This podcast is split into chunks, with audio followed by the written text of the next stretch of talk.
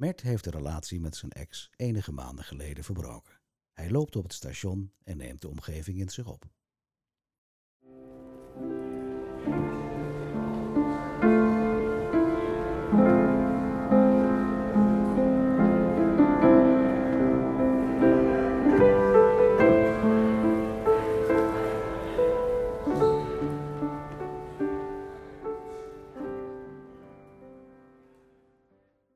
Mijn ultieme gevoel van vrijheid is het station. Hier kun je alle kanten op. Kies een trein, stap in en vervolg je dag op een andere plek. Een stationshal is een openbare plaats. Allerlei mensen komen en gaan. De een loopt, de ander staat nog even te kijken en te zoeken naar het juiste spoor. Er is eten voor wie geld heeft. En de overige centen zijn wat je aan de daklozen geeft. Het wachten wordt aangenamer gemaakt door de klanken van een piano. Afhankelijk van de pianist, uiteraard. Ik heb mijn zoontje wel eens op die kruk gezet. Oh, hij vond het prachtig hoe het speelde.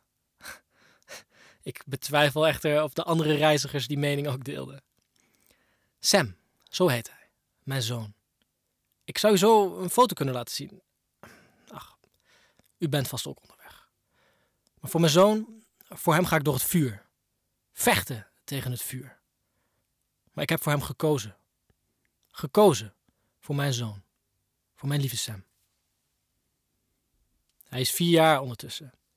En mijn mannetje is een heuse babbelbox, net zijn vader. Communicatie is belangrijk.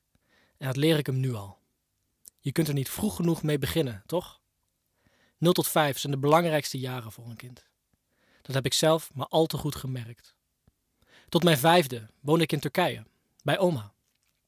Toen kwam ik naar Nederland, waar alles anders is. Vooral qua opvoeding. Wat ik had, dat was er niet meer. En zo word je een rebel. Ah, eigenlijk zeg ik dat ook verkeerd. Je kunt zo een rebel worden. Ik werd een rebel. Pleeggezin na pleeggezin, kindertehuis, gesloten internaat en uiteindelijk de straat. Dat laatste klinkt misschien wel vrij, maar dat was het niet. Echt niet. Op straat werd ik op mijn twaalfde geen jongen, maar man. Hm. Dat heb je mezelf verpest en nu laten zien dat je het leven aan kan. Ik vraag mezelf wel eens af, kon ik dat toen wel? En nu? Zo graag deed ik het helemaal anders. Voor hem, voor mijn zoontje. Het is me niet gelukt. Is het dan allemaal mijn fout? Jij was ooit ook een voorbijganger. Ik was brutaal, ik sprak je aan. Nu wens ik dat ik het nooit had gedaan en je voorbij had laten gaan. Station Rotterdam-Alexander. Dat is waar ik naartoe onderweg ben. Mijn huis staat hier niet en ik werk hier ook niet. Maar het maakt niet meer uit wat ik doe. En ik hoef me niet meer te verantwoorden. Alleen God weet dat ik hier nu ben en dat is genoeg. Soms zet ik gewoon op een dag mijn telefoon uit, omdat het kan zonder consequenties. Je controleert me niet langer. De hele dag laten weten waar ik ben, hoe laat ik terugkom. Was je achterdochtig? Want dat ben ik nu namelijk wel, door jou. Ik heb volledig het vertrouwen in vrouwen verloren. Ik zoek overal wat achter en denk dat niemand iets doet met oprechte intenties. En dat heb jij gedaan. Jij beschadigde mijn vertrouwen. Tijd hield alle wonden, zegt men. De tijd zal het leren. Ik blijf proberen. Proberen te werken aan mezelf. Gingen we te snel? Ha, domme vraag. Na vijf maanden samenwonen. Ach, dan ken je elkaar pas net. Net niet, eigenlijk. Als ik had geweten dat jij... Ah, dat is niet eerlijk. Ik wist het donders goed, maar nam het voor lief. En het is waar wat ze zeggen. Liefde maakt blind. Doordat je drie keer knippert en de waarheid steeds scherper wordt. Maar dan is het te laat. Nee, dan is het laat, maar nooit te laat. Maar wel de hoogste tijd. De hoogste tijd om hulp te zoeken. Je verhaal te doen. Voordat je iets doet en je spijt krijgt. Ik heb het je verteld. Ik heb het je meegedeeld. Je noemde het een bedreiging, ik noemde het een belofte. Want ik weet de consequenties van mijn acties. En nog nooit, nog nooit ben ik in aanraking geweest met de politie in al mijn rebelse jaren. Niet één keer. En als jij de politie zou bellen, dan beloofde ik je dat er consequenties zouden zijn voor die actie. Zover is het gelukkig niet gekomen.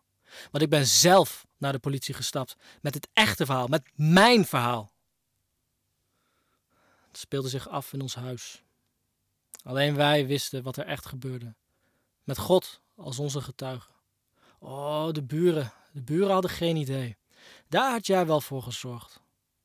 Alle ramen open terwijl jij stond te schreeuwen en te gillen, terwijl ik verstilde. Je weet het. Ze horen de vrouw schreeuwen, dus dan doet de man haar iets aan. Logisch, tuurlijk.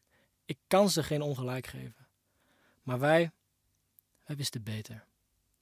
Als jij schreeuwt, ga ik niet luisteren. Andersom accepteerde jij dat ook niet. We waren toch gewoon volwassen? Waarom lukte het ons niet? Waarom? Stem verheffen, sure. Maar in mijn gezicht gaan staan schreeuwen? Respectloos. Weet u, praten. Gewoon normaal praten. Dat advies kan ik iedereen geven. Stap over je ego, je schuld, je schaamte. Doe je verhaal. En dan het liefst bij een hulpverlener. Die zijn niet zo emotioneel beladen. Je eigen netwerk is zo emotioneel. Dan word jij weer emotioneel beladen door hen. Zouden mensen doorhebben wat hun reacties voor effect hebben? Ik stop met praten als ik denk dat een ander mijn verhaal niet aan kan. Als ik denk dat het u te veel wordt wat ik vertel, dan denkt u toch niet dat ik u meer ga vertellen? Nee, natuurlijk niet. Maar een hulpverlener die luistert. Die oordeelt niet of ik wel genoeg man ben. Jij wel. Jij zei dat ik me niet gedroeg zoals het hoort. Ach man, zoals het hoort. Wat walg ik van die uitspraak. De traditionele rolverdeling tussen man en vrouw. De man is de provider, broodwinner. Ik gaf jou toch al mijn geld. Was dat nog niet genoeg? Vaste lasten betaalde ik en de rest, de rest was voor jou. Werken als een paard deed ik. Voor mijn prinses. Bloedzaggereinige prinses op de ert. Zeiken, zeuren, nooit hield je op. Dus werk is wat ik deed. In een riool nota bene. Weet je dat ik dat zelfs tien keer liever deed dan, dan thuiskomen? De stank was niet te harde, maar zoveel beter te weerstaan dan jouw manipulerende gedrag. Waarom? Waarom maakte je mijn leven zo ondraaglijk?